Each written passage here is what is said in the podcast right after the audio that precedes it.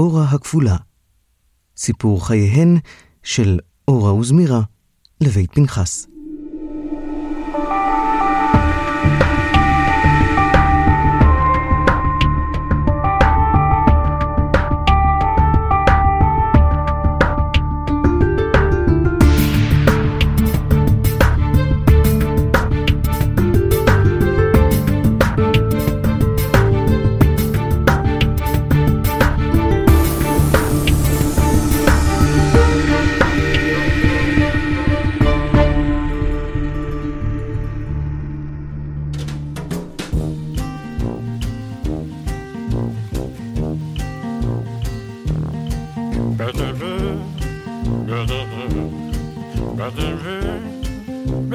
ראשון בשבוע, אמצע הקיץ.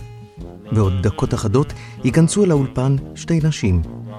אינני מכיר אותן עדיין, אך שמען יצא למרחוק. כשהדלת נפתחת, אני מבין שכל מה ששמעתי היה אמת מוחלטת. אורה וזמירה, תאומות זהות, מגיעות בלוויית הדר, בתה של אורה.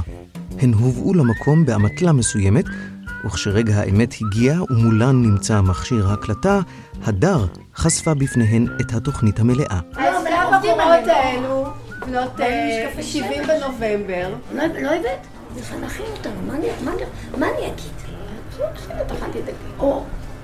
בקיצור, שנות ה-70. אני ידעתי, אני ידעתי, כן, גם אני. רגע, רגע. לא, לא, בעד. אז מה, לא, לא, אני אעמוד אז הפוך. יצאת שלי. ככה, חשבנו לציין את שנות ה-70, דודו, עופר, אה, אני, אה, להזמין אה, אולם שמחות, להזמין את כל מי שאתם מכירות. כמו שאתם יודעות, זה ממש לא הסטייל שלנו, אז גנזנו את הרעיון. אחרי זה חשבנו אולי לעשות טיול שורשים בעיראק, קצת בעייתי. דאעש לא אפשרו לנו את זה. ואז חשבנו שלמה לא לספר את הסיפור שלכם. בקיצור, מה שאנחנו הולכים לעשות היום זה לשמוע קצת את הסיפור שלכם, לדבר על כל מה שיעלה לכם בראש. נתחיל איתך. זמירה תדבר במקומי ואני לא, מעשנת. לא, לא, לא. אני מעשנת. שנייה. מה פתאום, מה את החיים שלך? נכון, אנחנו- לא. אתה רואה? לא, על זה הילדות. מה ש... לא, לא. כשתוארו בפניי השתיים, סופר לי על רמות אנרגיה גבוהות, על נוכחות עוצמתית, על קשר חזק ואמיץ. שמעתם. ועכשיו, אחרי שהוחלט מה שהוחלט, אתם מוזמנים להצטרף למסע הזה בנקודות מפתח בחייהן של אורה וזמירה לבית פנחס.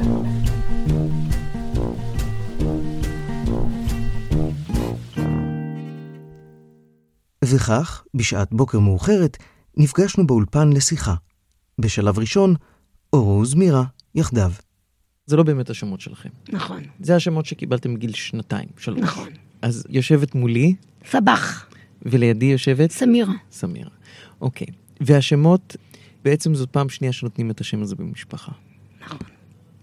בעצם אנחנו מדברים על אחות ש... נפטרה בגיל תשעה חודשים, משהו כזה. ואחרי זה מיד אמא שלי נכנסה להריון, אמרו לה תעשי, שלא תהיה באבל שלה, ו- וקרא לי סבח. אבל סבח זה גם על שם של זמרת מצריה, מאוד אהבה אותה אימא שלי. ומתי בעצם מספרים לך את הסיפור הזה? בגיל מאוחר, אבל ידענו את זה כל הזמן, אבל לא דיברו על זה בבית בכלל. זה כנראה כאב לאימא בלב, סיפרה, אבל לא כל הזמן, כל הזמן זה היה. מה, מה שאני, אני רוצה להגיד משהו בהקשר לאורה, שאנחנו גדלנו לא על סבח, האחות שנפטרה, נכון. אלא גדלנו על סמך הזמרת.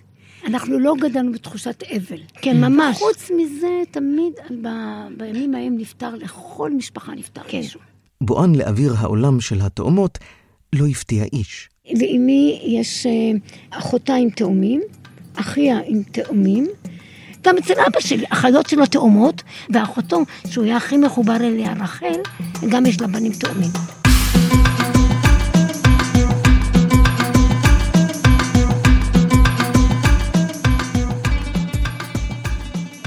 בצרה, תחילת המאה ה-20. העיר שיושבת על הנהר הערבי, שאט אל-ערב, המקום בו נפגשים הפרת והחידקל וממנו זורמים אל המפרץ הפרסי, הייתה ביתם של כ-1,500 יהודים. הקהילה הקטנה שמה בראש מעייניה את החינוך לכולם. חינוך דתי בצורת תלמודי תורה, לצד חינוך חילוני יותר בצורת בית ספר אליאנס, שדאג לחינוך הן לבנים הן לבנות, מבית הספר היסודי ועד לתיכון. מיקומה של העיר והנמל שלה, נקודת אמצע מסחרית בין הודו ובין תעלת סואץ, אפשרה ליהודים רבים לעסוק במסחר של בדים ומתכות מהודו ובייצוא של תצרוכת חקלאית מעיראק. כשהבריטים הגיעו לעיראק ב-1920, כבר היו בעיר כ-7,000 יהודים. הסוחרים כבר הפכו לבנקאים, ולבעלי אדמות, וב-1932, עם עצמאותה של עיראק וכינונו של פרלמנט עיראקי, כבר שלחו יהודי בצרה ציר יהודי לפרלמנט. יעקב פנחס, אביהן של אורה וזמירה, היה איש חד ואשף במספרים, ומצא את עצמו מהר מאוד עובד כאיש כספים עבור חברות בנמל. אבל לצד ההגשמה העצמית של אדם, העבודה לא הייתה מקור פרנסה רק עבור עצמו, שכן מציאות חייו הכתיבה דבר מה נוסף. את אבא של אבא אין תמונה ולא כלום. הוא התעוור בגיל מאוד צעיר, ואבא שלי נשא את עול המשפחה. היו לו עוד אה, שלוש אחיות, והוא גידל אותם. הוא, הוא היה האבא שלנו והאבא של האחיות שלו. הוא התייתם בגיל מאוד מאוד צעיר. והוא לקח על אחריותו לגדל את האחיות שלו ולהשיא אותן, ורק אחר כך הוא התחתן. הוא לא התחתן אה, בגיל צעיר, 35 אה, לדעתי, משהו כזה. ואמא שלי גם לא התחתנה צעירה, אמא שלי התחתנה בת 26-7, ואז זה היה... אחותו התחתנה בת 13, כשלא היה לה את המחזור. והייתה שם אהבה בינה לבין בעלה. ואימא שלי ואבא שלי היו בבית כנסת, ולאימא שלי נפלה המניפה. והוא הרים אותה והוא הסתכל והוא התאהב בה. סבח וסמירה נולדו ב-11 בנובמבר 1948 לחתון, חיה, ויעקב פנחס, אחיות קטנות לשלמה. הילד שלמה שמח והתרגש על בואן, אבל משהו בתמונה לא כל כך הסתדר לו. כשיום אחד נכנסה אמא חתון לחדר וראתה את סבח, היא אורה, מוסלקת מתחת למיטה, שאלה את שלמה מדוע שם אותה שם. תשובתו הייתה הגיונית למדי, לכולם יש אחת. למה אנחנו צריכים שתיים? תהה האח הגדול.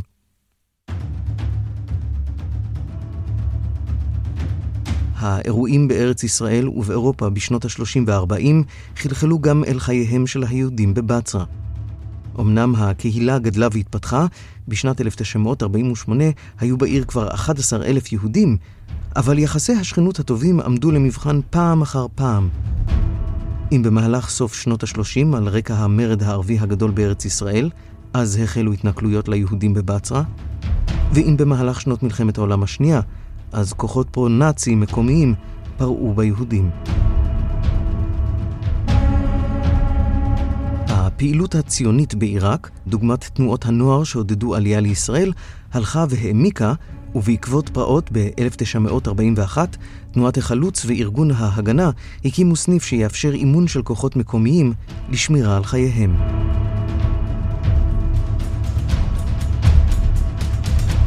הקמת המדינה ב-1948 כבר הפכה את החיכוכים לקרע של ממש, ומציאת צליק עם כלי נשק ודגלי ישראל בעיר שלחה רבים מיהודי בצרה למעצר.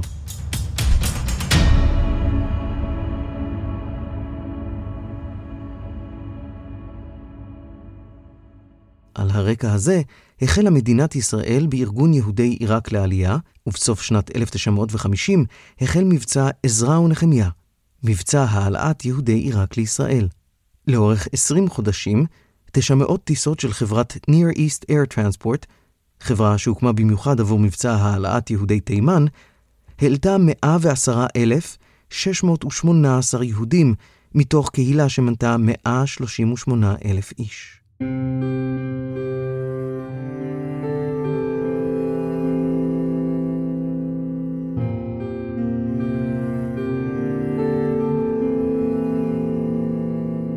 מתוך אותם מאה ועשרה אלף בקירוב היו יעקב, חתון, שלמה, סבח וסמירה פנחס.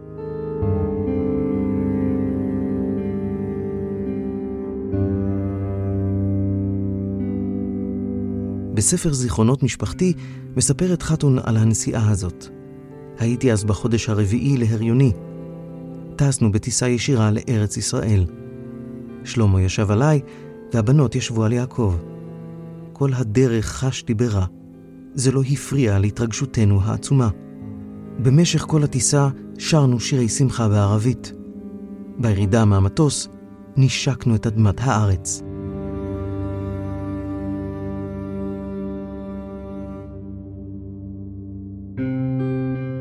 משדה התעופה בלוד הגיעה המשפחה לשער עלייה בחיפה. הם מצאו את עצמם באוהל, והזיכרון החזק שיש לאורה ולזמירה הוא את אימן אוחזת במות האוהל בעת סערת רוחות שביקשה לעקור אותו. אמא ששומרת על הגוזלים שלה, תיארה זאת זמירה.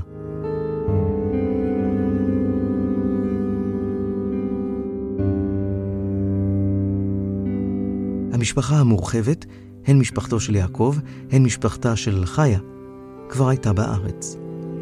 אחיותיו ואימו של יעקב השתקעו בתל מונד, ואחיה והוריה של חיה בקריית שמונה.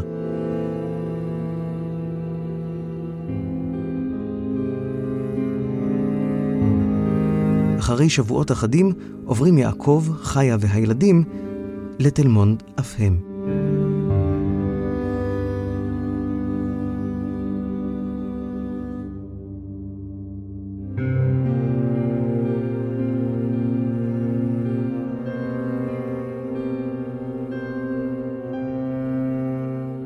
והזיכרונות משם, זיכרונות של ילדות, של טעמים, של משפחה. אבא שלי היה מעמיד אותנו על המיטה בשורה, ונותן לנו אה, שמן דגים. זה היה מבחיל. אבל אז המדינה, קופת חולים, זה מה שנתנה לנו. הייתי בורחת מה, מהמעון ובבוץ, בגשם, רצה וחוזרת הביתה. הייתי קטנה ממש. הייתי כל יום, אימא שלי הייתה מחליפה לנו לבנים, ואני הייתי מרימה את החצאית, והייתי אומרת לגננת, תחתון חדש. זה, אני זוכרת, אבא שלי הביא יום אחד כלב ענק. בא לו ולנו. סבתא, אימא של אבא כן עלתה, היא הייתה יושבת וקולה גרעינים על פתיליה. בשישי שבת. מקסימה הייתה. בגלל הסבתא ההיא דיברנו ערבית. דיברו ערבית, והיא גרה איתה. אני זוכרת, ראיתי את סבא שלי יושב בפינה, רזה, צנום, ואחרי זה הוא נפטר מהתקף לב. הוא היה גר בקריית שמונה והוא בא לתל מונד. אה, אבא של אימא, מנשה. אני זוכרת את השירותים בחוץ, את התנים בפרדס. כשהם כבר השתקעו בארץ, אל המשפחה מצטרפת אחות קטנה, שמחה, שקטנה מאורה ומזמירה, בשלוש שנים. שמחה אחותי חלתה בדלקת קורם המוח, ואיזו דאגה הייתה בבית, לקחו אותה לבית חולים. אבא שלי רץ איתה, היא היה לה 40 חום, עם שמיכה, רץ איתה. לא יודעת לאן, לקופת חולים, וזה... אני לא יודעת כמה זמן היא הייתה בבית חולים בחדרה, וסיפרו שאימא שלי הייתה צריכה לעמוד, הלכה לבקר אותה בבית חולים, והיא הייתה צריכה לעמוד אחרי פרגוד, ששמחה לא תתרגש לראות אותה. אימא שלי הייתה משאירה את ארבעתנו בבית, הייתה הולכת לעבוד במעון, ויום אחד היינו חולות באדמת, אני חושבת, והיא שמה וילון ורוד כזה. במרפסת בחוץ הייתה קורה, ואבא שלי היה מתרומם, עושה התעמלות. אבא שלי היה עובד מאוד קשה. היה חרוץ, החריצות של כולנו, גם מאימא שלי. היה קם משכם בבוקר לעבוד בקיבוצים, בסיכול אבנים, זה כולם עבדו. זה, קראו לזה עבודות דחק. הוא לא עבד בסלילת כבישים, אבל נדמה לי הוא עבד בקטיף, תפוזים, כל מיני דברים. עכשיו שתבין, זו משפחה פטריארכלית שבאה כשהאבא זה אבא, והאימא זו, יש לה מקום בצד, וילדים, ובאמת הוא עבר משבר. אמא שלי היא בוגרת אליאנס, אז היא ידעה אנגלית וצרפתית וערבית, קרוא וכתוב, היא ידעה היסטוריה, מה זה אליאנס? אז זה היה כמו אוניברסיטה. ואז בארץ שמו אותה, קודם כל ביאור הבערות, היא לימדה, וגם הגיעו עליות, לא משנה מאיפה, אה, נחשלות. והיא לימדה אותם איך לסדר בית. לא לבשל, היא לא ידעה אף פעם לבשל, אפילו חביתה היא לא ידעה לעשות. אמא שלי. אני זוכרת שפעם עשתה לנו סופגניות, אז הכל היה שרוף בחוץ, בפנים היה בצק.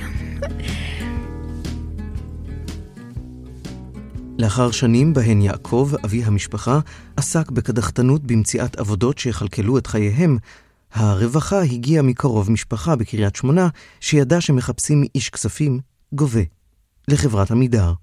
והמשפחה? המשפחה עוברת אל קריית שמונה.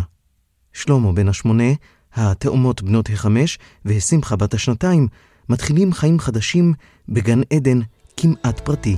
קריית שמונה זה המקום חלוצי, כן. הגשמה, פיתוח, השכלה, הוואי, קומונה, טבע, פריחות, מעיין, חורשת ארבעים, הכל עשינו ברגליים. היינו מתפלשים בחול, בבוץ, ואחר כך היינו לא הרבה זמן שם בצריף. אחר כך עברנו לבתים, על יד המעיין זה נקרא. אין חיים כמו שמה. מעיין שהיינו יושבות, והיו לנו חברות שהיו, ההורים שלהם קולות גרעינים, חמניות, היו מביאים לנו ליד המעיין, בשבת בבוקר, והיינו יושבות, אני וזמירה כמובן, והחברה הזאתי, והיינו מפצחות. היו, היו חיים מאוד יפים. ישנו באותו חדר עם אח שלי גם, והיינו משחקים בלילה, ארץ שם עיר. למשל, אופניים לא היה. אני עד היום לא יודעת לרכב על אופניים. למרות שהתחלתי לפני שנתיים, אבל פישלתי. היינו בצופים שם, היה לנו המדריך הזה, דין דן, דן וולמן, הבמאי, שלישי ושישי זה היה. בפשטות הזאת שאהבנו, היינו הולכים לקריית שמונה, יושבים במרכז, אז אני מדברת איתך בגיל שבע, שמונה, ברכילות, ובמעיין, על ההר יושבים, עולם אחר. והחיים היו בחוץ, בחוץ.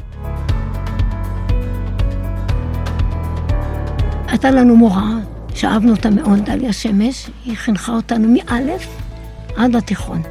מאוד מאוד אהבה אותנו. בסוף יום הלימודים הייתה לוקחת אותנו, אז הייתה קונה לנו ארטיק לוקס. אבל זה היום, זה עם כל מיני, בדיוק. איזה טעם היה לזה. לא נקניק, לא יהיה לחם, היה ריבה ומרגרינה לא, וריבה והרסק עגבניות. רסק עגבניות. אבל אני לא זוכרת את זה כעוני. בכלל. השורשיות שם היא נבטה בקריית שמונה. האדמה. היינו מטפסים על, על הסלעים של רמות נפתלי, קוטפים פרחים עד כשהיה מותר, והיינו הולכים לפסל של טרומפלדור.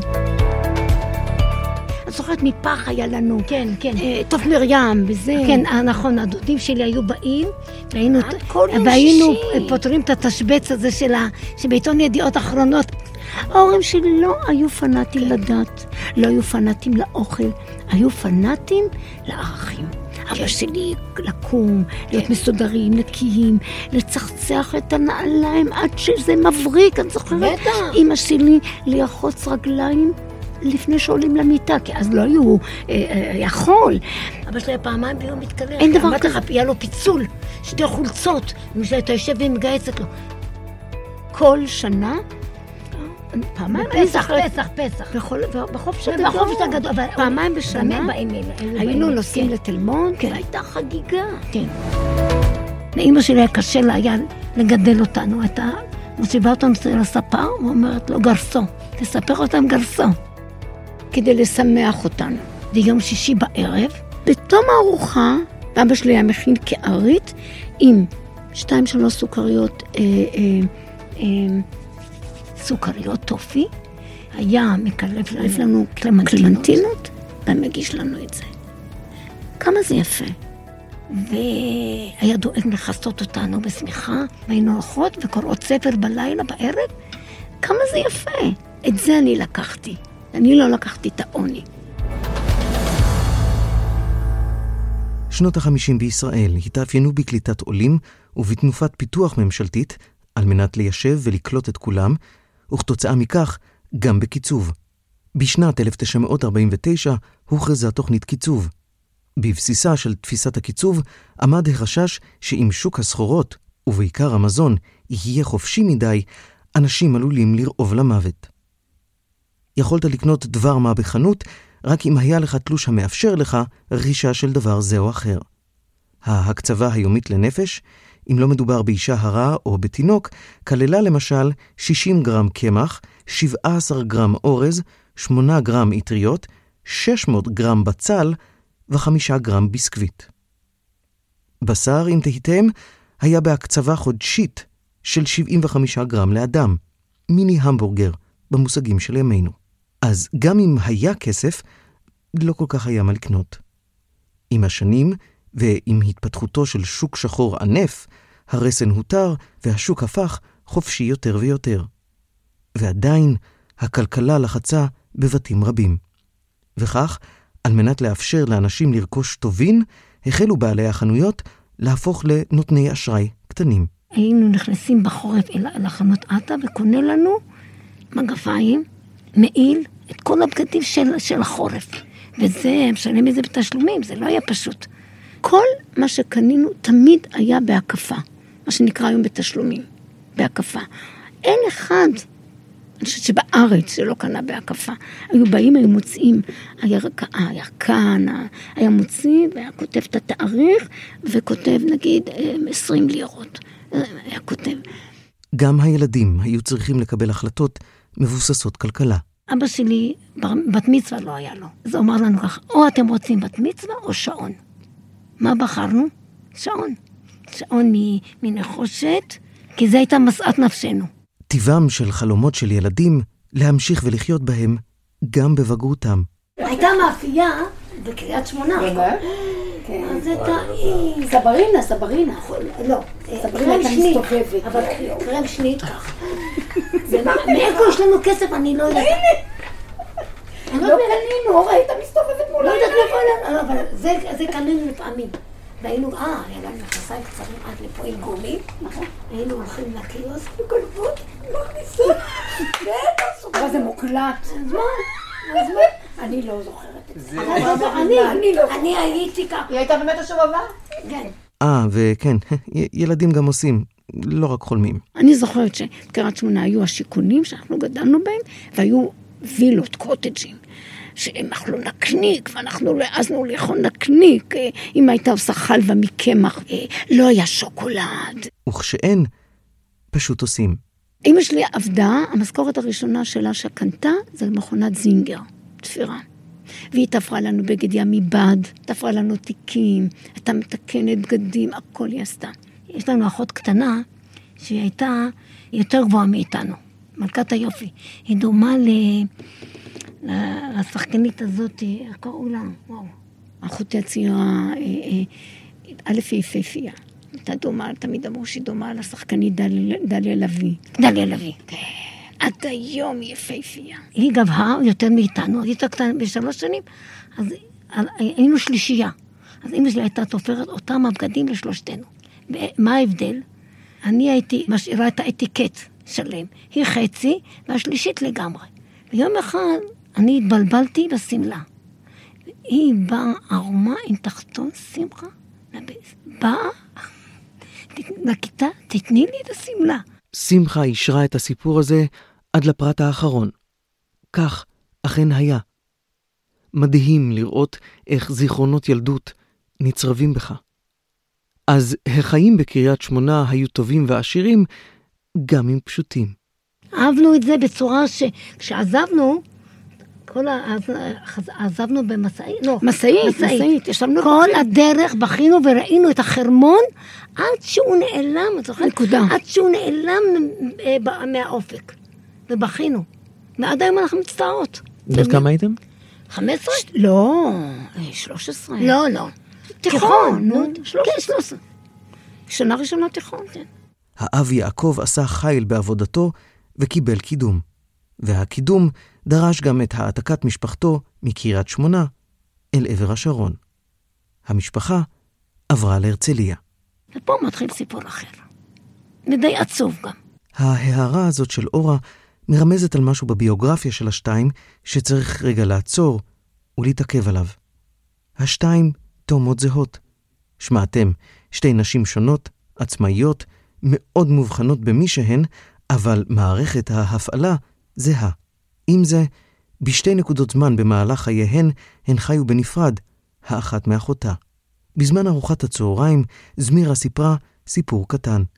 אתן לה להמשיך מכאן. כשסבא בא וראיתי מעצבנית, וכשהייתי בת חודשיים, שאל אותה, מה יש לך? היא אומרת, אני לא יכולה. אה, אז שאל אותה, אז תני לי אחת. אז היא אומרת לו, קח את השקטה.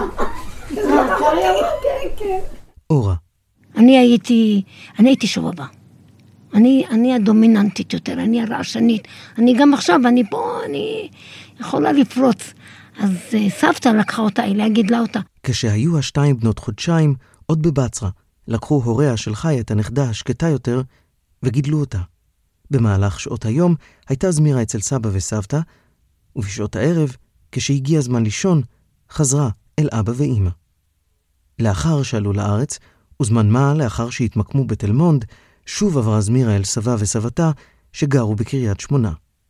הפעם, מן הסתם, לא חזרה כל ערב אל בית הוריה.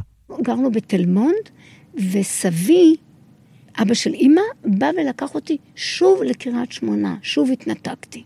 הייתי בת uh, שלוש, ושם אני זוכרת את הפינוק הגדול שפינקו אותי הדודים שלי. שם היו לי שבעה דודים ודודה. אני זוכרת את תשומת הלב הזאת, וזה, זה הטעין אותי. בגיל חמש ההורים שלי אה, אה, עזבו את תל מונד ועברו לקריית שמונה. אני לא זוכרת שהפסדתי אותם, או ממש לא, ממש לא. נשאלה השאלה אם יש כעס או עצב, וממרחק השנים עונה זמירה. בסיכומו של דבר, זה שהיא לא טיפלה בי, בוא נגיד שלוש שנים, זה עשה לי טוב. זו הייתה נוסחת הניצחון שלי. את נוסחת הניצחון תיארה זמירה כיכולת לשרטט לעצמה את התלם שלה. והכאב והעצב שמתארת אורה מתחדדים בנקודה בה הדרך של השתיים התפצלה. הגיוס לצבא. יעקב לא רצה שבנותיו יתגייסו. לצבא לא הלכנו. חוץ מאשר היא, זמירה. אני וזמירה אומר רק, אתה יודע, בנות אה, רעות. לא רוצה להגיד את המילה. לא הסכים, היא לקח אותנו בידיים, והביא ולקח עוד שכנים שיעידו שאנחנו דתיות. זמירה סירבה בנימוס לדרישתו שלו להתגייס, וחברה לחבריה מתנועת הצופים בקריית שמונה, שהתגבשו לכדי גרעין. מסלול בני הגרעינים בנחל הוא מסלול מעט שונה ממסלול הגיוס הרגיל. הגרעין, למשל, כחלק מהשירות הצבאי יוצא לשלט, שירות ללא תשלום, טרם הטירונות, ולפני שהוא מצטרף לשורות הצבא באופן מעשי. לכן, הבסיס בו הם משרתים והפעולות הצבאיות אותן הם מבצעים מעט שונים. נאמר זאת כך. שאלת ראשון איפה? בבית העמק, אחרי זה טירונות, אחרי זה בירנית, בהאחזות בירנית, שם תפסתי שטינקר מרגל. אחר, כבר אמרנו. בגבול לבנון, לשב"כ, 504 היה שטינקר. אז הם אמרו לנו, תראו, אנחנו נודיע לכם מתי יגיע השטינקר, הוא ירד בהר, הוא יהיה עם סיגריה ביד, ומעיל ארוך חום ומגפיים. והתחלפה המשמרת, ואני לבד עם עוזי, הקודמים לא הודיעו לי. ופתאום אני רואה, יורד. עכשיו תקשיב, זה ערבי, זה, זה מרגל, יכול להרוג אותי, מה, ואני לבד. אני אומרת לו, תעל הונה, בוא לפה. אז הוא בא, אני פותחת לו את השער, ואני מאחוריו הולכת. ואז הלכתי למ"כ, הערתי אותו ומסרתי אותו. עד היום, עד היום, הבנים בנחל, בגרעין שלי, אוכלים את הלב, למה אני ולא הם? ויש גם את עניין יישוב הארץ ועבודת האדמה. עבדתי בכותנה, עבדתי עם ילדים, אחר כך הצטרדתי והייתי פקחית, נהגתי על טרקטור, הולדר. תמיד צוחקים עליי שלא היו רואים אותי. זה מקצוע כזה, פקחית מזיקים? כן, אני עברתי קורס. היה שם פרודניה, הליוטיס, החרקים שמאכלים את ההלקטים. כל החוכמה היא שלא לפגוע בהלקטים, שהם יישארו כותנה, תהיה כותנה. ובאמת עשיתי את זה בכזאת נאמנות, שהם אמרו לי שבתקופה שלי, שיא 90 ומשהו אחוז היו הלקטים. כן. ואז אפילו כפרס נתנו לי טיסה חזרה מבית העמק. להרצליה, לשדה התעופה, ואני זוכרת את החופה השקופה הזאת, וראיתי את הארץ, עמק יזרעאל. זמירה השתחררה ולמדה פקידות. זה היה אז באופנה, היא אומרת, וכשהיא כמעט בת 25, פורצת מלחמת יום הכיפורים. השבר הגדול הישראלי מניע אותה לפעולה, והיא נוקטת צעד מעט לא שגרתי. אחרי מלחמת יום הכיפורים, היו חסרים אנשים בשורות הצבא, ואז התנדבתי, והתניתי את זה בקורס קצינות, כי מה אני... ומיד הסכימו, מיד נתנו לי, והתקדמתי מאוד יפה. זמירה מתגייסת ומתחילה בשירות בחיל המודיעין. היא עולה בדרגות, מתקדמת בתפקידים. אחרי זה לקחו אותי להיילייט שלי, מפקדת מדור איתור של חיל המודיעין. אני לא אשכח שיום אחד הייתי בכנס, היינו איזה 30 קצינים עם מפקד בקו"ם, והוא אמר, נמצאת פה זמירה פנחס, היא אחראית על חיל המודיעין. ואני יודע שהיא לא משחילה אנשים לא ראויים. אם את עניין אי הגיוס אורה איכשהו הצליחה להחליק בינה לבינה, היה משהו קריטי הרבה יותר מבחינתה. אבא שלי לא הסכים שנלמד. אני הייתי... תראה, אני אומרת אני מאוד אוהבת לעזור לאנשים, וגם היום. אני מאוד נותנת. נותנת את נשמתי, והיה מתאים לי להיות אחות. שאימא שלי, אז בכיתה ג', ד', אמרה לי אימא שלי, המורה דליה, אמרה לה, לה מתאים להיות אחות. אבל אבא שלי לא היה לו כסף וגם לא הסכים. רצה רק שנצא לעבוד. אורה מתחתנת עם סמי, והם הופכים הורים לדודו ולהדר. היא מנהלת משפחתון ומחנכת ילדים רכים בשנים. ומבחינתם של סמי ואורה, החינוך והלימודים של ילדיהם הפרטיים מעל הכל. נתנו להם מה שרצו. תראה, בגודל האפשרויות, אבל לא חסכנו מהם. אנחנו, אני ובעלי, אני גם את המקל והגזר. אני, יש לי אהבת המורה. אצלי, המורה זה קודש. כשדודו או הדר והאם היו אומרים לי, אמא, המורה אמרה, אמרתי לו, קודם כל אתה אשם. אני נשבעת לך בכל היקר לי. אני נשבעת לך. בחופש הגדול, למשל, אני הייתי נותנת להם כל יום לחבר חיבור. ובעלי, לפני שהיה יוצא מעבודה, שם להם על הטלוויזיה, אז היה טלוויזיות עם, עם זה, אז אה, תרגילים בחשבון, בחיי. אז אחרי זה ההורים באים למורה, אומרים לה, למה דודו ככה? אמר להם, תשקיעו מה שההורים שלו נשבעת לך. יכול להיות, יכול להיות שזה איזשהו, גם כן עוד איזשהו סוג של פיצוי, עכשיו פיצוי הפוך, שאת באה ואת אומרת, אני, לילדים שלי, כל מה שקשור ללימודים, כל מה שקשור לחינוך, עד הסוף? בהחלט. בהחלט. אוניברסיטה, הכל, מאלף עד תו. זמירה רואה בתלם שחרשה באדמה את המגע הבלתי אמצעי עם החיים. צברתי חוויות שנגעתי בהם. נגעתי בכותנה, נגעתי במים, נגעתי ב... נגעתי בחיים, נגעתי. הם לא תיאורטיים. לגעת בחיים, לגעת בחוקים, לגעת. תראה, החוק הכי גדול ש... ש... העולם נבנה עליו זה, זה ל, ל, ל, ל, להתחתן, ללדת ילדים עם אבא. ואני ילדתי ילד, אה, אה, אה, אה, הוא יודע מי אבא שלו. לגעת בחוקים. נדמה שהבחירות של זמירה היו תמיד צעד אינדיבידואלי, לאו דווקא נון קונפורמיסטיות. ואת זה למדו כולם לקבל. אני זוכרת שבאחת הפעמים שנסעתי לקחת אותו להקרנות, אמרתי לו, אבא, אני מתכוונת אה, לראות. והוא אמר לי, שיהיה לך לברכה.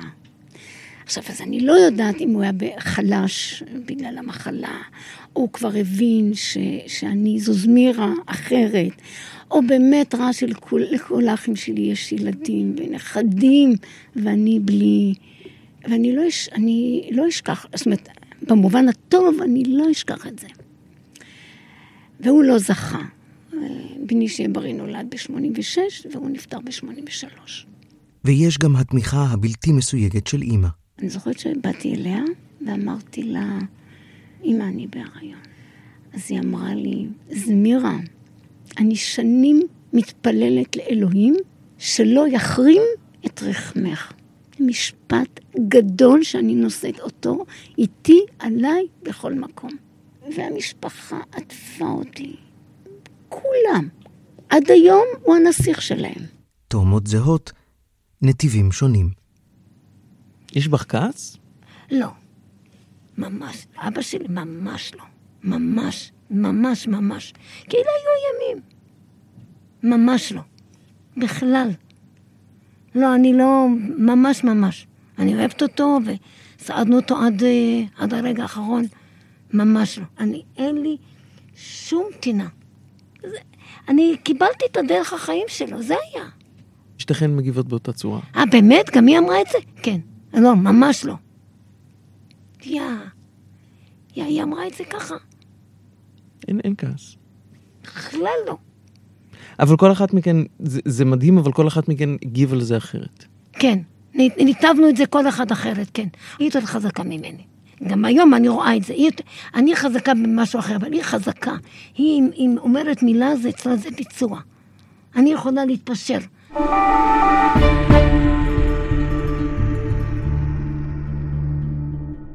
אני מניח שלאחוזים ניכרים ממי שמאזין יש אח או אחות. מניח גם שיש אנשים עם אחים הקרובים אליהם בגיל. הנחה נוספת, יש מי שמאזין ויש לו או לה תאום או תאומה. אבל רמת הקרבה הגבוהה ביותר האפשרית היא של תאומים זהים. ברמה המילולית ביותר, מדובר בבשר אחד. מהי התחושה הזאת? מתברר שמאוד מאוד קשה להסביר. יש, יש משהו בלב, פינה, אה, ש... שאני חושבת הרבה עליה. אבל המחשבות הן אחרות, הן מה לספר להם. אה, דברים ש... שלא לכל אחד מספרים. זה טבע הדברים שאנחנו שתיים, אנחנו בס... אותו, אותו בשר, אני מרגישה שאחותי מחוברת אליי. אני, אין יום שאני לא אדבר איתה. אני, אין חוויה שאני לא אספר לה. זה כוח, ואני שמעתי, ראיתי פעם תוכנית על תאומים זהים, אוי ואבוי לש... לשלישי שנמצא לידו. נכון, אנחנו כוח, כן, כן. זה תאומים עם, עם, עם אנרגיות אחרות מול הסביבה. ועדיין את מתארת אותך ואותה בתור משהו שונה לחלוטין. זה בינינו. זה בינינו. אני לא חושבת שאחרים יודעים את זה, מרגישים בזה. זה בינינו. במהלך היום, חלק מהראיונות התקיימו בפורמט של אחד על אחד. הקטע הבא לקוח מתוך שיחה שבה שתיהן לקחו חלק. אני חשה אותה כשהיא מדברת עכשיו, אני כן, חשה. כן, גם אני. קשה לי להסביר. זה, זה פה. זה, זה, זה פה, כשאני לא יודעת... תראה, זה מעין תחושה פיזית שקשה להסביר אותה, מלווה ברגש. תראה, אנחנו זורמות באותו ראש, כן. קשה נורא להסביר, אנחנו זורמות באותו ראש. עד כמה הסביבה יודעת לחיות עם דבר כזה? יודעים לחיות. יודעים. קשה, אבל יודעים. למי? לכן או לסביבה? לסביבה, אתה דיברת על הסביבה. תראה, אני אגיד לך למה עכשיו קל לכולם. אנחנו לא באותו ואקום. אנחנו לא באותו בית, כן. אנחנו לא מפריעים. הזוגיות, בוא נקרא לזה, הזוגיות בינינו לא מפריעה. כשהיינו קטנות, היא הפריעה מאוד. ובגדול. היינו כוח. היינו שתיים נגד אחד. למרות שאולי היינו אחד נגד אחד, כי אנחנו אחת. אבל אני, אני חושבת, אני... לא ניתבנו לזה. בדיוק. זה כך יצא. את אמרת זה כוח. והשאלה שלי, באיזשהו אופן, אני עכשיו רגע מסתכל על היחידה האחת הדו-ראשית הזאת. כן. ואני אומר, מי הכוח של מי? מי הכוח בינינו? כי משפט אחר שנאמר פה בחדר, אני יודעת. את אמרת, אני הדומיננטית. נכון. אבל זמירה היא החזקה. נכון. אני אומרת... ואני לא יודע איך להגיד לכן את זה, שתיכן חזקות ושתיכן דומיננטיות. אז אני שמח שכל אחת מספרת לעצמה איזשהו סיפור. לא, לא, לא, כן, אבל זה... מה? אתן שתיכן מאוד מאוד חזקות. השאלה שלי אבל באמת... אני חזקה, כן, אבל לא צריך להסביר את זה, היא יותר, יותר. אני ככה מרגישה. אז מי הכוח של מי? תראה, בהרבה דברים אורה הכוח שלי. והיא גם הכוח שלי, אני אומרת כל הזמן. למשל, תראה, אה, שאלת אותי על, על קבלת ההחלטות. אני לא זוכרת שאני באתי ואמרתי לה, אורה, מה דעתך שאני אעשה ילד? וזה היה לי ברור, ברור כשמש, כמו שהשמש זורחת ביום וירח בלילה, היא תהיה לצידי 24 שעות שבע. זה הכוח שלי. אני התכוונתי לכוח בין שתינו, אה, זה חמישים חמישים. או מהמאה, עוד יותר טוב. בבית ספר, שאמרתי לך שאני יודעת שיש לי אחות כן. בכיתה, לטוב ולרע. כן, אמרתי, כן. זה בלם? כן, זה כן, בלם, נכון, שאמרתי תספר לאבא. כן. תחרות על החברות. אבל, אבל אותם החברות תמיד היו. בסוף היו, כי לא היה מצאי מלא, הרבה. נכון. בלה ונורית. וישנו סיפור אחד מתקופת בית הספר בקריית שמונה, שסופר כהוויית הווה על ידי שתיהן, בנפרד. עוצמת החוויה, כפי שתשמעו, כמעט זהה. ילד אחד זרק עליי אבן, בכיתה ז' זה היה, ואני אה, לקחתי אבן וזרקתי לעברו, אבל האבן פגעה בחלון של חדר המורים. והיא שברה את החלון בבית ספר, ואמרו, את לא תקבלי תעודה עד שאבא לא ישלם את החלון. ואז לאבא שלי לא היה כסף כמובן, אז היה בשנות החמישים, למי היה כסף? ואבא לא שילם. אז כעונש לא קיבלתי את התעודה. ועד היום אין לי אותה כמובן. ו... ואני כאב לי, אני זוכרת, כאב לי על אחותי, איזה מין תחושה הזאת לא לקבל תעודה, ו... והאיום הזה שזרקה אבן ושברה. אבל המורה אמרה לי ככה, את לא מקבלת תעודה, אבל זה כמו של זמירה. חוזרים לשיחה המשותפת. ואנחנו לא היינו מעתיקות אחת משנייה. באמת? זה, דו, לא, זה דווקא, לא. זה אחד הדברים הכי... ידעתי שתגיד, לא, לא, ממש לא. אחד נראה לי הפלוסים הכי גדולים ממש שיש. ממש לא, ממש לא. עכשיו, כשבזמנו היה סקר, אז זה באמת, אה, אסור היה לפצל את הכוח הזה. שתינו כן. חייבות לזכות בסקר. וזכינו באמת. שתינו זכינו. כן. ולא העתקנו, היא ישבה שם, אני ישבתי שם. אני חושבת שאני, אה, אה, את השם של מי קראו ראשונה? שלך או שלי? אני לא זוכרת. אני זוכרת ש... ש... אני חושבת שאת שלי, כי אני זוכרת שאני לא פחדתי, לא היה לי פחד. אני זוכרת את התחושות כן. העוצמתיות האלה, אובר דאגה. לא. ועד היום יש לי את ה over דאגה, over דאגה לא מחרדות. לא, לא, כן, אמרתי. אנחנו לא חרדתיות. לא, ממש לא. זה כוח, זה ביטחון, זה הבנה עמוקה שיש משהו שהוא תמיד שם. זה אני לא יודעת, אם אני יודעת שתמיד שם. מה זאת אומרת, את לא יודעת שאני לא? לא, לא, לא. תמיד אני לצידך. כן, לא, לא. אעמוד איתך. לא, הכוונה, איך להסביר את זה? היא אצלי. היא יודעת, אני יודעת, אם אני אצלצל. או זה, זה, זה, היא לא תחשוב פעמיים. ואם יש את רמת ההכרה, מסתבר שיש רמות קשר שהן גבוהות הרבה יותר. תראה, אני מרגישה שאורה חלק ממני. חלק ממני, ממש פיזית, פיזית אני מרגישה. אני זוכרת שהייתי בנחל. ביום האחרון של הטיול תפסו אותי כאבי בטן. זה היה ב-31 או ב-29, ב-30. כאבי בטן, כאבי בטן כמו מחזור. אני לא כל כך סבלתי מכאבים, ולכן היו הכאבים האלה עזים. חזרנו, ואני אני זוכרת את הכאבי בטן האלה. ואז חברתי גרוני באה ואמרה לי, יש כאן הודעה שאחותך אורה ילדה בן. זה ממש להתפתל, לתפוס את הבטן. מה קרה? מה, למה יש לי כאבי בטן? ו- וזה בעצם, אחותי חוותה צירים. התינוק, אגב, היה דודו. תראה, למה אנחנו דומות? זה לקבל את הטוב, כן. זה לקבל את הטוב, ו- ולכן היא משלימה אותי. בשעת אחר הצהריים הצטרפו לשיחה גם סמי, בעלה של אורה, דודו והדר ילדיהם, ועופר, בנה של זמירה. לאורך כל היום, עוד טרם נכנסו בני משפחת עוזר ופנחס בעם רב אל החדר, הייתה נוכחת בו מישהי. אימן של אורה וזמירה, סבתם של דודו, הדר ועופר, סבתא חיה. האישה העוצמתית הזו, כפי שלמדתי להכיר, נפטרה בשנת 2011, וחסרונה מורגש יום-יום. הדר. סבתא חיה? בשונה מנשים בחברה המזרחית, שהן יחסית כנועות, בטח אה, עיראק של שנות ה-30, 40, היא הייתה אנטיתזה. היא הייתה אנטיתזה בגלל איך שהיא גדלה. עם אבא שמאוד מפנק ושהולך אה, על פי הרצונות שלה, עם זה שהיא התחתנה בגיל מאוחר.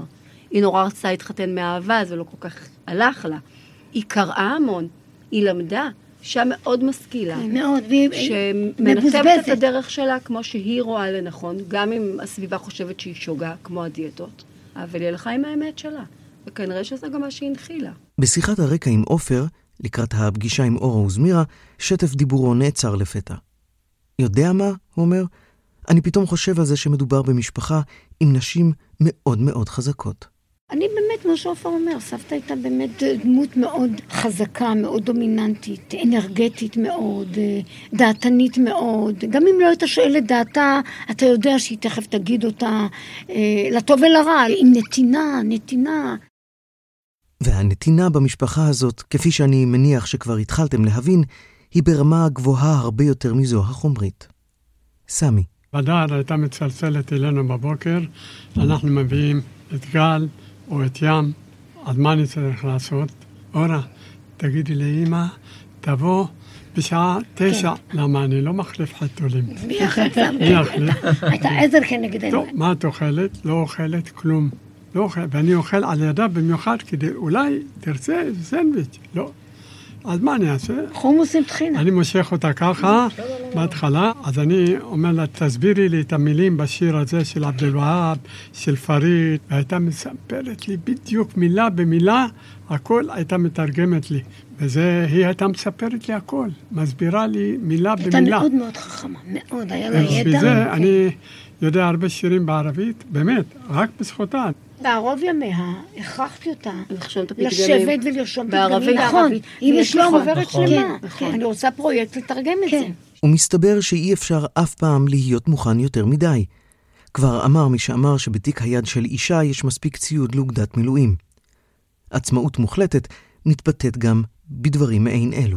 על התיק, על הכתף, זה מלא הכל. כן, החבר הכי טוב שלה. הייתי אומרת לאמא, תני לי לסחוב את האבטיח. לא. אמרתי לה, אבל אמא, אנשים מה יגידו? רואים את הבת שלה הולכת חופשייה ואינוס, אני בשלוש קומות. היא לא יותר טובה היום, שרק נכון, לא, לא, פחות, פחות.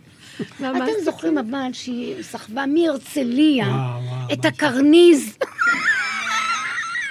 עכשיו בת 80 פלוס, סחבה את הקרניז על הכתף. אבל פי שתיים ממנה הוא היה. הייתה הולכת קילומטרים, והיא מטר וחצי. ובעלה, הר אדם. סבא יעקב, כפי ששמענו, נפטר בשנת 1983. ולמי שיש תחושה שהוא נשכח עם השנים, אין דבר רחוק מן האמת.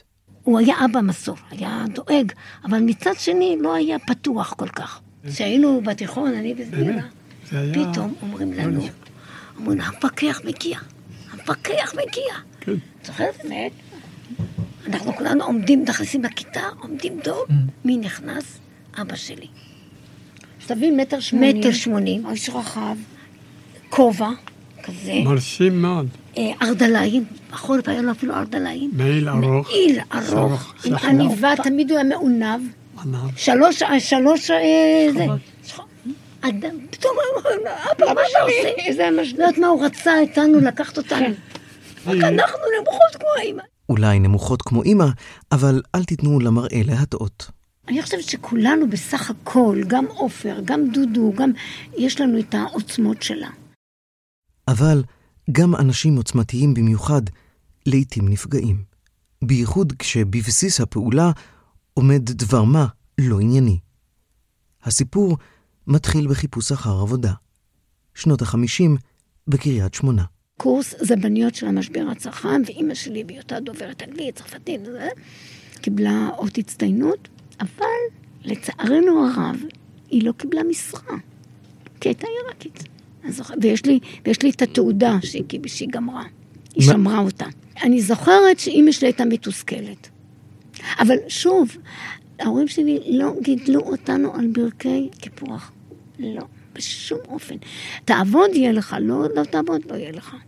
תלמד יהיה לך, לא... כן. זה ההורים שלי. אני לילדים שלי אמרתי, אין אפליה, אין אין הרע, אני לא מאמינה בדברים האלה. לזרום, לזרום. גם בא לי ככה. אני לא מרשה להם, אין עדות, כי זה רק יפריע להם. זה רק יפריע להם. בספר הזיכרונות כתבה חיה שכשעברו מקריית שמונה להרצליה בשנות ה-60, הביא עמו המעבר הזה היכרות עם דבר מה חדש עבורה. גיליתי את הקרמבו, היא סיפרה. אחד ועוד אחד ואחד נוסף, ולפתע הסבו את תשומת ליבה שעלתה במשקל. מיד נרשמה לשומרי משקל וירדה 16 קילוגרמים. משך יותר מ-40 שנים התמידה במסגרת הזו. מדי שבוע הייתה מתייצבת ודואגת לשמור על משקל תקין. בחישוב זריז, מדובר על הרבה יותר מ-2,100 פגישות. היא הייתה מכורה לדיאטה, גשם, זרעפות, הייתה הולכת, נוסעת עד רעננה. כולה מים, ולא אכפת לה. העיקר שירדה, והייתה נוסעת, אז היא אומרת, אימא, תמיד הייתי עוקצת אותה בשביל זה. למה את צריכה ללכת? אתה מביאה לי מכתבים, ואתה אומרת לי, את רואה? הנה, אני בסדר, האדם שלי בסדר, אז זה בסדר. פעם לקחת אותה לרופא עיראקי, היה יושב, אומר לה, קודם כל, תקראי לי פסוקים בקוראן. כן. Mm. היה יושבת, נכון. מקריאה לו פסוקים בקוראן, נכון. היה אומר לי, תתני לה, היא בסדר גמור. ובאמת כך היה. היא לא נפטרה מהדיאטה. על מי היא שמרה? בזה שהיא שמרה על עצמה כל כך. היא שמרה על כולנו. אם היא שמרה על עצמה, שמרה גם עלינו.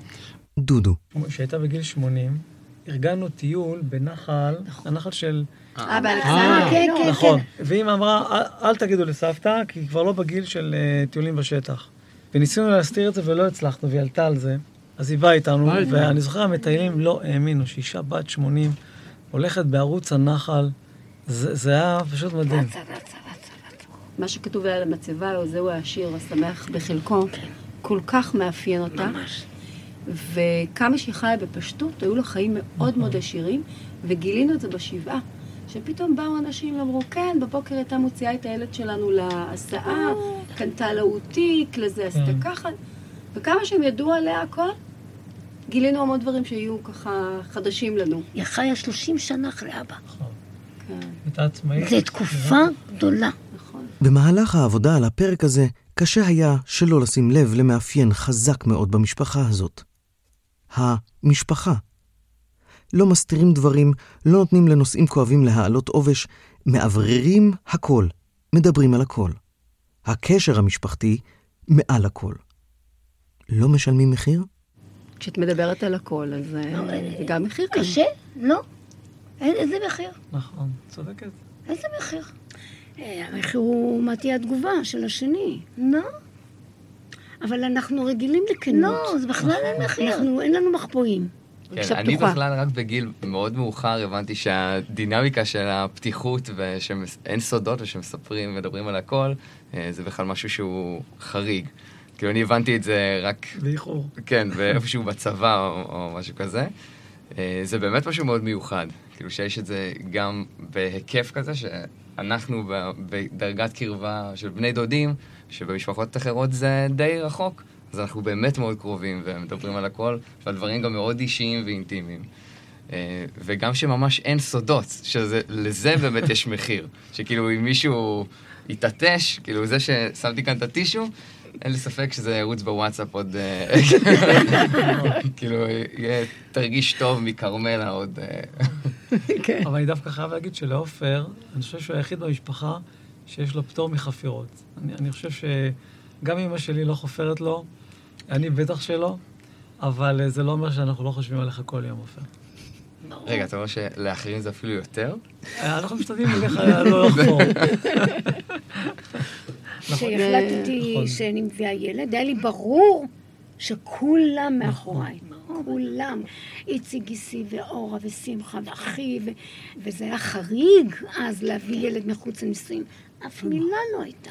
בשמחה ובאהבה. וזו הזכות להיות, באמת הזכות. ברגע שאבא שלך הסכים, הסכים. אז מה אנחנו יכולים להתנגד? אותו. נתן לה את האוקיי. אני לא ביקשתי רשות, אתה הרי מכיר אותי אני יודע שלא, אבל... אני כאילו... לא, אבל... אבל קיבל את זה בלי להתווכח. מאוד רציתי שאבא ידע כן. שיש לו נכד ממני. זו העוצמה של המשפחה, אני יודעת שהם מאחורה. זה, זה, כולנו מאחורה. כשאומרים לי שאחרים אין להם את זה, אני מבינה, אבל זה מוזר לי. מה זאת אומרת המשפחה לא נרתמת? אני כבר רואה את זה בדור הבא שלנו, אבל הלוואי ואמן וגם הם ינחילו את זה הלאה. זה את ערך המשפחתיות, את ה... להיות שמח בחלקך, נכון. ואת הנתינה. שאני חושבת שאלו שלושה ערכים שמאוד מאפיינים אותנו. תראה, זה לא חוכמה להגיד, אבל אני לא הייתי בוחרת משפחה אחרת. גם אני. לא הייתי בוחרת. ויש עוד דבר אחד קטן שמאפיין מאוד את האנשים המאוד מיוחדים ששמעתם. הומור. ובכמויות. משוכנע שיצא לכם לשמוע את זה. ולמי שפספס, הנה כמה רגעים כאלו. במרוכז. למה אנחנו פה? ברמה קוסמית כאילו? זה הולך להיות קשה משחשבתי, אני מבין. טוב, בגלל זה מגיע לי שוקולד.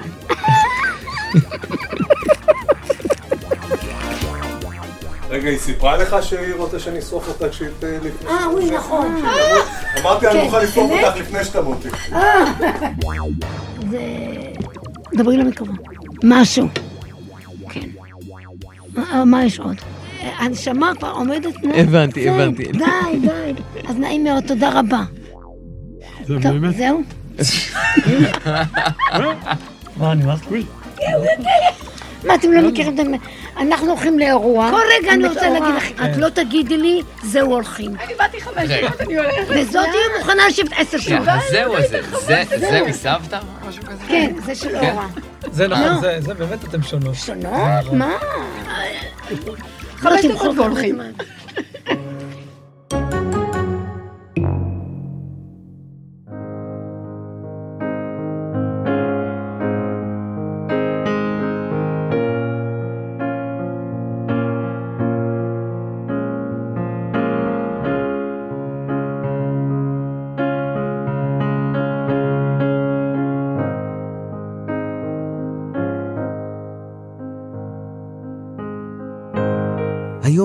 המיוחד שהחל את חגיגות ה-70 לאורה וזמירה בא אל קיצו.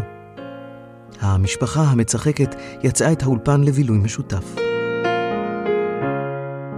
כמות האנרגיה העצומה שהביאו איתן עוד הדהדה בחדרים שעות ארוכות אחר כך.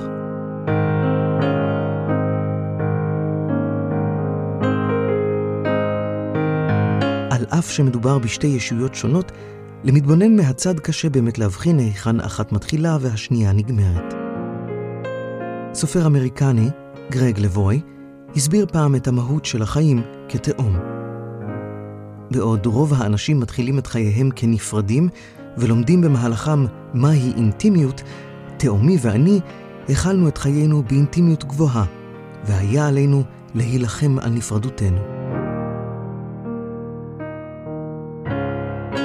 ונדמה כי אורה וזמירה יצרו לעצמן הן את הנפרדות, הן את האינטימיות, ללא כל מלחמה. כי אם בזרימה, בהבנה, בקבלה, אבל גם כצורך לעצמי של כל אחת מהן.